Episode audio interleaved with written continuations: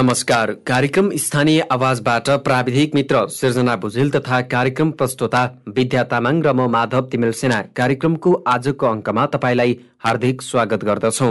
कार्यक्रम स्थानीय आवाज हरेक दिन ठिक साँझ साढे सात बजेदेखि आधा घण्टा प्रसारण हुन्छ। तपाईँले यो कार्यक्रम रेडियो क्यान्डिड बयानब्बे दशमलव सात मेगा हर्जमा हाम्रो website W W W dot Radio Candid dot कममा हाम्रो आधिकारिक फेसबुक पेजमा रेडियो क्यान्डिडको एप्स डाउनलोड गरेर र पोडकास्टमा समेत सुन्न सक्नुहुन्छ। आजको कार्यक्रममा हामी पुनर्वास नगरपालिकाको चिनारी र यस नगरपालिकाका नगर प्रमुख जीवनराज थापासँग कुराकानी गर्दैछौँ। श्रोता कञ्चनपुर जिल्लाको दक्षिणी पूर्वी भेगमा अवस्थित पुनर्वास नगरपालिका साबिका परासन त्रिभुवन बस्ती र कालिका गरी तीनवटा गाविस गाविएर बनेको छ। नेपाल सरकारको दुई हजार एकहत्तर वैशाख पच्चिसको निर्णयबाट यो नगरपालिका बनेकोमा दुई हजार त्रिहत्तर चैत बाइसको निर्णयबाट बाइस बिचुवा गाविसका वडा नम्बर पाँच छ सात आठ र नौ यसै नगरपालिकामा गाभिएको हो। जिल्ला सदरमुकामदेखि बाइस कोष टाढा सुदूर दक्षिणमा रहेको नगरपालिकाले आफ्नो ऐतिहासिक भौगोलिक राजनैतिक सामाजिक र धार्मिक महत्व बोकेको छ। विक्रमसम्म दुई हजार अठाइस सालमा तत्कालीन नेपाल पुनर्वास कम्पनीद्वारा व्यवस्थित रूपले बसोबास गराएको हुँदा सोही समयदेखि नै यस क्षेत्रलाई पुनर्वास क्षेत्र भनिएको हो। यसको सिमाना पूर्वमा भारतको दुधवा नेशनल पार्क पश्चिममा बेलौरी नगरपालिका उत्तरमा लाल झाडी गाउँपालिका र दक्षिणमा भारतको दुधवा नेशनल पार्क पर्दछन्। आज हामीले यसै नगरपालिकाका नगर प्रमुख जीवनराज थापालाई तपाईँको कार्यकालमा तपाईँको स्थानीय तहले पाएको सबैभन्दा महत्वपूर्ण उपलब्धि के हो भनेर सोधेका छौँ। सबभन्दा महत्त्वपूर्ण उपलब्धि उपलब्धिमा त अब धेरै कुराहरू छन्। एउटा हाम्रो सबैभन्दा धेरै बजेट अहिलेसम्म खर्च भएको यो हामीले बाटोमै गरेका छौँ बाटोमै धेरै लगानी गरेका छौँ र अनि बाटो हामीले दुई सय किलो किलोमिटर जति माटो भरान गऱ्यौँ अनि त्यसपछि ग्राभिल ग्राभिल गऱ्यौँ त्यसमा र हामीले बाहन्न किलोमिटर हामीले पिच बनाएका छौँ। पहिले मुख्य जनताहरू कुनै ठाउँमा के खेतमा होस् के अन्त होस् एक ठाउँबाट अर्को जान कुनै ठाउँमा पनि अब यहाँ यहाँ बाटो बनेन यहाँ भएन भन्ने ठाउँ हामीले राखेका छैनौँ। त्यो भयो हुनाले ठुलो उपलब्धि र जनता एकअर्को ठाउँबाट अर्को ठाउँ जान सजिलो भएको त्यो छ। त्योसँगै अर्को ठुलो उपलब्धि भनेको हामीले हिजोको दिनमा के भने विद्युतीय सिँचाइ दिन्छौँ भनेका छौँ भनेका थियौँ। तर त्यो पुनर्वास नगरपालिका भनेको यति खेतीयोग्य जमिन भएको अति राम्रो जमिन भएको त्यहाँ सिँचाइको मात्र अभाव थियो।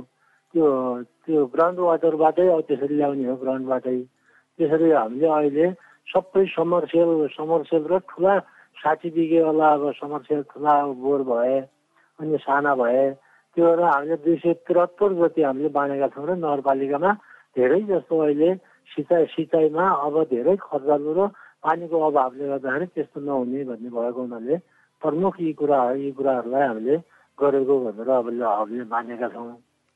र अब अब सबै सँगसँगै अब सबै कुराहरू भन्दा सबै क्षेत्रमा हामीले निकै उपलब्धि भएको हामीले मानेका छौँ र जनताले पनि अहिलेसम्म अति राम्रो भएको पाँच वर्षको अवधिमा यति यति धेरै भएको हिजो बजेट कहाँ थियो हिजो कहाँ जान्थ्यो र अहिले पिचमा पिच भन्ने त्यहाँ नाम निशाना थिएन पिच देख्न पाएका थिएन। बाहन्न किलोमिटर पिच जस्तै त्यो भइसकेपछि र सिँचाइको लागि पनि यति यति आएर त्यो लगायतका विभिन्न होइन किसानहरूलाई दिने कुराहरू हामीले किसानलाई आवश्यक औजारहरू हामीले अनुदानमा अनुदानमा दिएका छौँ। त्यहाँ बाख्रा पा बाख्रा पालनका कुराहरू भए भैँसी पालनका कुराहरू भए त्यो दुधमा र मासुमा हामी आत्मनिर्भर भएको छ हाम्रो नगरपालिका। र हाम्रो नजिकको बजारमा बजार गर्नको लागि दुध र मासु हामीले त्यसरी सेल गरिराखेका छौँ। यी लगायतका शिक्षा स्वास्थ्य सबै क्षेत्रमा होइन राम्रै भएको भनेर हामीले मानेका छौँ। जति पनि कृषि सामग्रीहरू उत्पादन हुन्छन् पुनर्वास नगरपालिकामा ती उत्पादित सामानहरूलाई बजारसम्म लैजानको लागि कस्तो व्यवस्था छ? हामीले कृषिमा उत्पादन हुने पहिलो कुरा त हाम्रो नजिकै नजिकै बजार छ।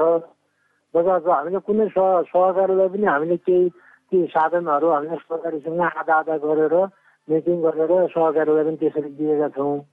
अनि त्यसरी साधन दिएका छौँ जस्तै क्लबहरू बिउहरू किन्नमा किन्नको लागि पनि दिएका छौँ र त्यस्तो उत्पादन धेरै भयो भने त्यसरी लैजाने र नत्र आफ्नै साधन स्रोतमा पनि दुध दुधलाई त्यसरी लैजाने नजिकै ठुलो धनगढी बजार छ हाम्रो जोडिएकै पालिका हो। धनगढी बजार भएको हुनाले त्यहाँका धेरै जति उत्पादन गरेका चिजहरू छन् ती सबै बजारमा सजिलैसँग लैजान किसान आफै पनि लैजान्छ र हामीलाई स्टोरेज गरेर त्यसरी दियो दियो भने हामी मार्फत पनि लैजाने व्यवस्था हामीले मिलाएका छौँ। हजुर अनि तपाईँले अहिले भर्खरै भन्नुभयो हामीले पाँच वर्षको अवधिमा आफ्नो कार्यकालमा चाहिँ सडक र सिँचाइमा चाहिँ पुनर्वास नगरपालिकाले एउटा उपलब्धि हासिल गर्यो भनेर तपाईँले भन्नुभयो। अनि अहिले कुन क्षेत्र र विषयलाई प्राथमिकतामा राखेर काम गरिरहनु भएको छ? शिक्षामा त हामीले लगभग सक्यौँ भन्नुभयो। त्यही त त्यहाँबाट सक्यौँ भन्नुभन्दा पनि त्यहाँ त्यति छ र अझै हाम्रो यो थोरै अहिले विद्युतको पनि क्षमता नपुग्ने र सबै यो विद्युतीय सिँचाइबाट पनि त्यति सबै त्यति राम्रो पनि भएको छैन र हामीले यो सब स्टेसन हाम्रो बन्दैछ। यसै वर्ष अब सब स्टेसन बन्छ र सब स्टेसन बनिसकेपछि त्यहाँ होइन पर्याप्त मात्रामा अझै अझै दिन त्यति पर्याप्त एकैचोटि अब सबै सिद्धिने कुराहरू त होइन विकास कर्मैसँग हुने हो। त्यो सबै क्षेत्रलाई ओगट्ने गरी यो क्षेत्रको ठुलो ठुलो साठी बिघामा पुग्ने त्यो होइन बोर हामीले गऱ्यौँ भने त्यो सञ्चालन गऱ्यौँ भने र त्यहाँबाट वितरण हुन्छ र मान्छे एउटैको निर्भर भन्दा पनि अब आफू आफैमा होइन अलि चाइनाको लागि पनि त्यो गर्ने भएको हुनाले सबै पर्याप्त एकदमै अब आवश्यकै छैन भन्न खोजेको होइन कि। हामीले यो बिचमा धेरै उपलब्धि गरेका छौँ यति होइन किसानहरूलाई सन्तुष्ट पार्ने किसानहरूको उत्पादन हुने कुराहरूमा अब किसानहरू पनि खुसी भएको महसुस गरेका छन् भन्न खोजे हो तपाईँको स्थानीय तहमा पर्यटकीय क्षेत्रहरूको अवस्था के छ मेयर साहब? पर्यटक क्षेत्रको अवस्था भन्ने हो भने त त्यस्तो पर्यटकीय क्षेत्र हाम्रो छैन। हाम्रो सिमानामा जोडिएको नगरपालिका हो भारतसँग। त्यो पनि आधाभन्दा ज्यादा भूभाग भारतसँग जोडिएको छ। र त्यो बेला बेलामा भारतीयहरूले हाम्रो सिमाना मिच्ने कुराहरू र जस्तो एउटा मुख्य भनेको पर्यटकीय स्थल भनेको पेराताललाई हामीले लिएका थियौँ त्यसलाई बनाउँछौँ भनेका थियौँ।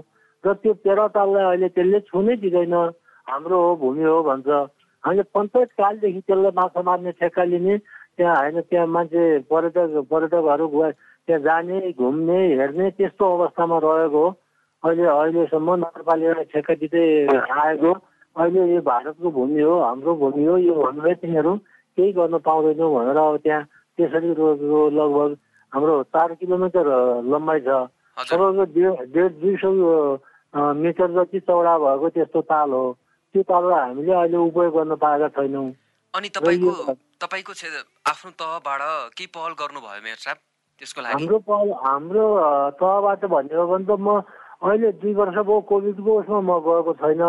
काठमाडौँ दुई तिन वर्ष लगातार दुईवटा कुरा मात्रै लिएर गएँ। मुख्य कुरा मैले लिएर गएको भने यो सिमाना सम्बन्धमा यो सीमा छुट्याउने काम नेपाल सरकारले छिटोभन्दा छिटो यो हाम्रो अधिकार क्षेत्रभित्र नपरेको हुनाले यो नेपाल सरकारले छिटोभन्दा छिटो सीमा छुट्याउने काम गरोस् भनेर डेलिगेसन जाँदाखेरि एउटा त्यो र अर्को यो अव्यवस्थित बसोबास अथवा सुकुम्बासीहरूको व्यवस्थापन गर्यो होइन गरोस् होइन सरकारले र यो हाम्रो क्षेत्रभित्र नपरेको भनेर तिन वर्ष लगातार म होइन सङ्घीय सरकार प्रधानमन्त्रीलाई भेट्यो परराष्ट्र मन्त्रीलाई भेटेका छौँ।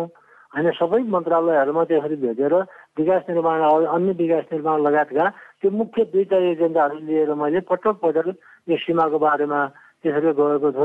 धेरै स्थानीयहरूको एउटै गुनासो छ सडक निर्माण पूर्वाधार विकास लगायत भौतिक संरचनामा योजना विहीन काम भएका छन् भन्ने। तपाईँ यसलाई कसरी खण्डन गर्नुहुन्छ? कुनै किसिमको नि त्यस्तो भएको पनि छैन। अहिलेसम्म हामीसँग भनेका पनि छैनन्। होइन कुनै पनि अहिले यो एउटै हाम्रो मात्र नभएर तिनवटा तिन किसिमको सरकारबाट हो। जस्तै अब सङ्घीय सरकारबाट लगभग पच्चिस किलोमिटर सङ्घीय सरकारबाट गऱ्यो। तिन चार किलोमिटर प्रदेश सरकार र हामीले अब पच्चिस छब्बिस किलोमिटर हामीले स्थानीय बजेटबाट त्यो गरे गरेका छौँ पिच बनाएका छौँ। अरू पनि कुनै किसिमको त्यस्तो अहिलेसम्म गुनासो यो भएन यस्तो भयो गुणस्तर भएन यता भएन भन्ने मजा अहिलेसम्म गुनासो आएको छैन। त्यो भएको हुनाले नि राम्रै राम्रै भएको छ किनभने पाँच सुरुमै गरेका पाँच वर्षसम्म पाँच वर्ष जस्तै भत्किन थाल्छन्। अहिलेसम्म पहिला पहिला सुरुमा बनाएका पनि अहिलेसम्म कुनै किसिमको केही भएको पनि छैन। कहिले काहीँ सङ्घीय सङ्घीय सरकारले बनाएका योजनाहरू उतैबाट त्यो सडकबाट सडकबाट अब त्यतैबाट हुने भएको हुनाले त्यो अलिकति हामीसँग सरकार हुँदैन। अनि त्यसलाई हामी हेर्नु त हेर्छौँ हजुर हजुर भनेपछि राजनीतिक आस्था र पहुँचका भरमा विकास नबाँडेर समान रूपले बाँडिदिनु भएको छ। समान रूपले बाँडेको छु कुनै वडा त्यस्तो छैन कि यहाँ कम गर्यो यहाँ उ गर्यो भन्ने एउटा नियम हाम्रो नियम नै छ अब त्यो नियम भनेको जनसङ्ख्याको आधार र भूगोलको आधारलाई।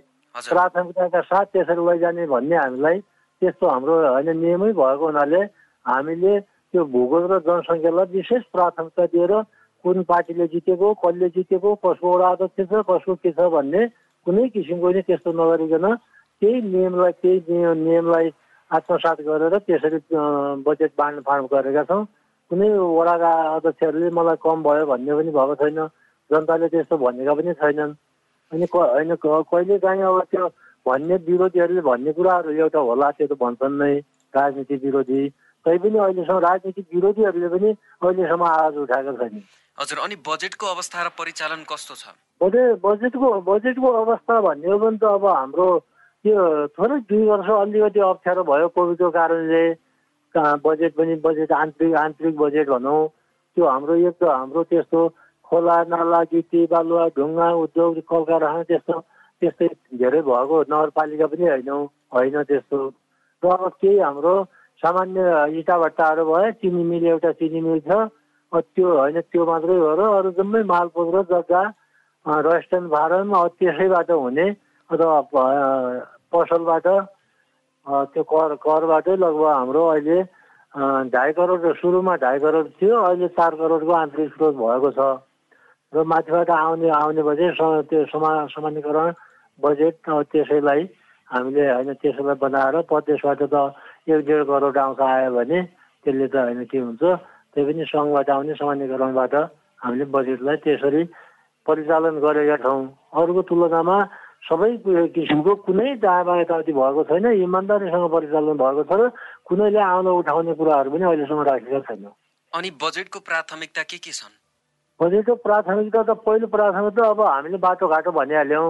अनि शिक्षा स्वास्थ्य कृषि होइन कृषिलाई हामीले सबैभन्दा बजेट जहिले पनि अब मुख्य त पूर्वाधार नै भयो। पूर्व पूर्वाधारको त्यसपछि हामीले कृषिलाई दुई ढाई करोड वर्ष नै हामीले कृषिमा दिएका छौँ। र कृषि कृषिबाट अब त्यो क्षेत्र कृषि क्षेत्र भएको हुनाले कृषिलाई प्राथमिकता दिएर त्यसरी गरेका छौँ। अरू स्वास्थ्यका कुराहरू त भन्यो भने हाम्रो सीमा फेरि त्यो प्रवेशद्वारै पऱ्यो गौरीखण्ड नाका अब त्यहाँ प्रवेशद्वारै परेको हुनाले यो कोभिडको कारणले पनि धेरै त्यहाँ पनि हामी एङ्गेज हुनु पऱ्यो त्यहाँ पनि लगानी लाउनु पऱ्यो त्यहाँ हामीले हेल्थ सेन्टरहरू बनाएका छौँ। त्यहाँ प्रवेशद्वारमा व्यवस्थित ढङ्गले गर्ने सबै बना बनाएका छौँ स्वास्थ्यको क्षेत्रमा। अब पन्ध्र सयको अस्पताल बन्ने क्रममा छ अब एक वर्षभित्र बन्छ बनिसकेको छ आधा त्यो त्यस्तो छ। अरू हामीले अहिले आफ्नै उसमा एक सरा एक सरा खिच्ने कुराहरू गरेका छौँ स्वास्थ्य आँखाको अस्पताल अलग्गै ल्याएका छौँ। सबै होइन ल्याबका सबै सामग्रीहरू ल्याएका छौँ। स्वास्थ्य क्षेत्रमा पनि सबै वडा वडामा प्रा प्राथमिक स्वास्थ्य केन्द्रहरू हामीले स्थापना गरेका छौँ। एघार वडा हुन्। एघारवटै वडामा हामी प्राथमिक स्वास्थ्य केन्द्र स्वास्थ्य पनि स्थापना गरेका छौँ। अनि अर्को हामीले भौतिक संरचना भनेको हामीले सुरुमा आउने आएकै वर्षमा बजेट छुटाएर आफू बस्ने भवन बनायौँ। एक वर्षपछि ठ्याक्कै त्यो नगरपालिका भवनमा हामी प्रवेश गऱ्यौँ। र अहिले हाम्रा साबिक तिनवटा गाविसका तिनवटा कार्यालयहरू थिए। त्यसलाई त्यसलाई थप्ने कामहरू गऱ्यौँ र फेरि अझ गर्ने कामहरू गऱ्यौँ र आठवटा आठवटा वडाहरूमा कुनै संरचना थिएन भाडामा बसेका थियौँ। त्यहाँ पनि आठवटै वडा कार्यालय पनि डेढ डेढ करोडको हिसाबले हामीले आठवटै वडा कार्यालयहरू पनि हामीले बनाइसकेका छौँ। र सबै पूर्व पूर्वाधारका कुराहरू अब गाउँ गाउँ गाउँ घर घरै भनौँ न सुविधाको हिसाबले सबै सबै पहुँचहरू वडा वडामा पुगिसकेका छन् हजुर अनि पुनर्वास नगरवासीहरूले प्राप्त गर्ने न्यूनतम सुविधाहरू पाएका छन् कि छैनन्? सबै सुविधाहरू हामीले भनेका छौँ सबै बोर्ड होइन त्यो सुशासनका कुराहरूमा हामीले ठाउँ ठाउँ बोर्ड राख्ने स्थापना कामहरू गरेका छौँ। त्यहाँ हेरेर अब त्यो के आवश्यकता हो कहाँ हो सोधपुछका कुराहरू त्यो सबै सबै चिजहरू वडा वडामै पुग्ने कुराहरू छन् र नगरपालिकामा केही कुराहरू नगरपालिकामा आउने कुराहरू हुन्छ र सबै वडा वडामै पहुँचहरू पुगेको छ। कुनै पनि मेरो समयमा काम भएन भनेर अहिलेको उसमा टाढा भयो ढिला भयो लापरवाही भयो ढिला सुस्ती भयो भन्ने कुनै जनतालाई जनताले पनि अहिलेसम्म भनेको छैन। त्यो त पत्रकारहरूले जसले पनि सोद्धा पनि भयो त्यहाँका जनताहरूसँग सेवा सुविधाका कुराहरूमा त्यसरी हामीले सबैलाई अहिले खुसी नै पारेको मानेका छौँ महसुस गरेका छौँ। हजुर अनि सामाजिक सुरक्षाको विषयमा पनि धेरैले प्रश्नहरू उठाउने गरेका छन्। तपाईँको स्थानीय तहमा वृद्ध वृद्ध बालबालिका एकल महिला अपाङ्गता भएका व्यक्ति पिछडिएका समुदायको अवस्था कस्तो छ? त्यो सामाजिक सुरक्षा भत्तामा बेला बेलामा केही कुराहरू अलि अप्ठ्यारो भएको छ। अब त्यो हामीले महसुस गरेका छौँ। किनभने हामीले सकभर हामी वडामा जनप्रतिनिधि मार्फत घर घरै पुर्याउँछौँ भनेर हामीले भनेका थियौँ। अनि त्यो नेपाल सरकारले अथवा माथिकै त्यस्तै किसिमको नियम आयो कि ब्याङ्किङ मार्फत दिने र त्यसरी दिन नपाइने भनिसकेपछि बैङ्कसँग हामीले सम्झौता गऱ्यौँ।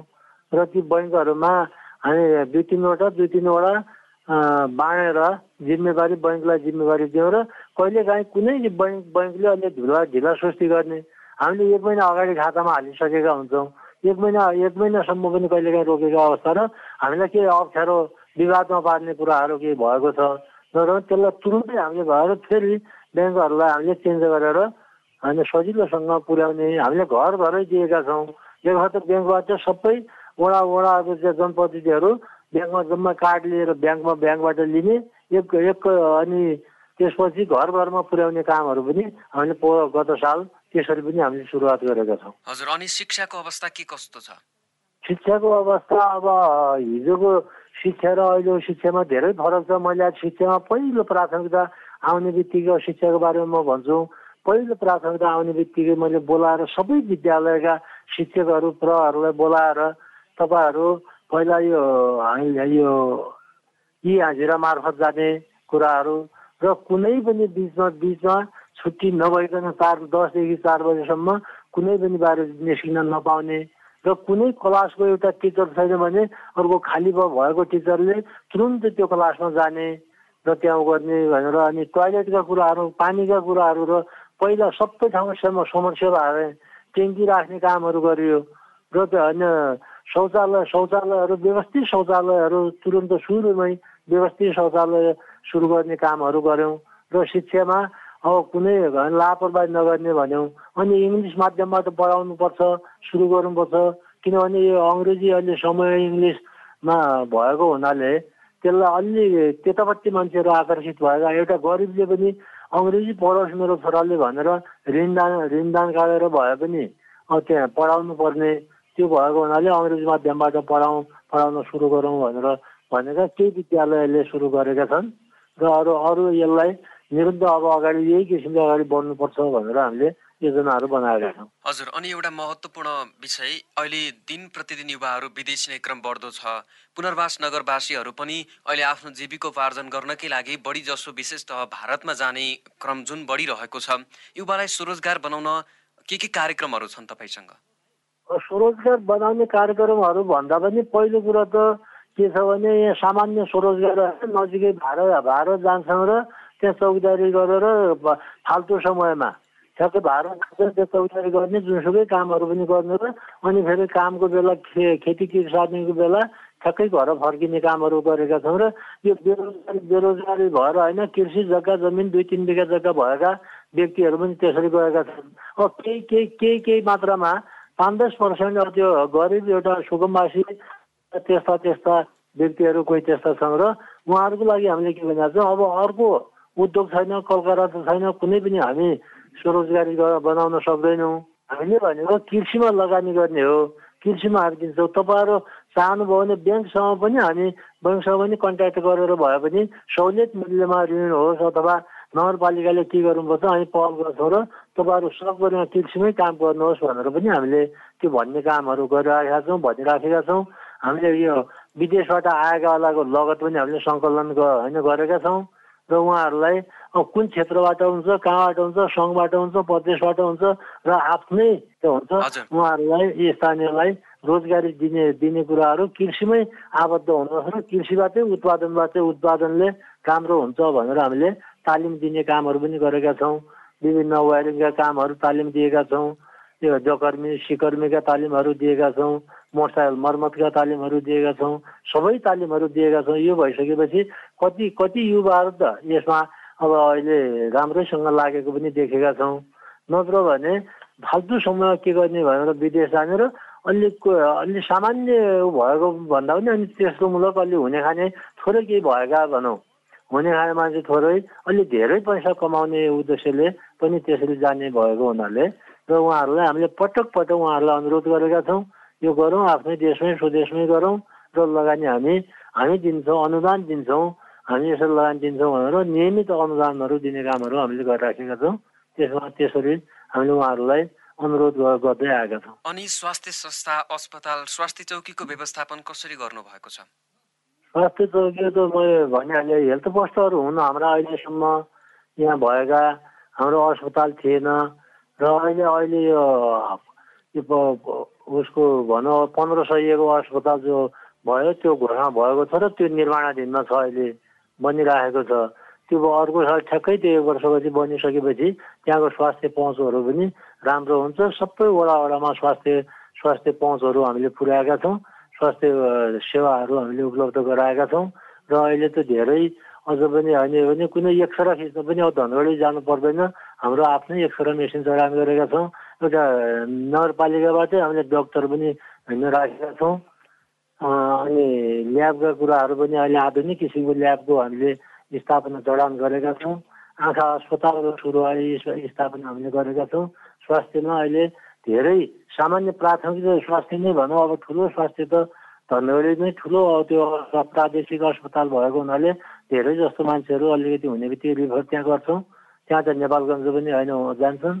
त्यो किसिमले गरेका छौँ र त्यो इमर्जेन्सीमा त्यस्ता कुराहरूमा जस्तै महिलाहरूको लागि हामीले एम्बुलेन्स महिला डेलिभरी हुनेछ अथवा सुत्केर हुनेछ भने उसले फोन गर्ने बित्तिकै हामी घरै जान्छौँ एम्बुलेन्सलाई ल्याउँछौँ। घरबाट सुत्केर गराइसकेपछि घर नि शुल्क हामी घरै पुर्याइदिन्छौँ। यो सबै सबै क्षेत्रमा हामीले स्वास्थ्यको क्षेत्रमा यसरी हामी लागेका छौँ। अनि स्वास्थ्यमा पर्याप्त जनशक्ति छ?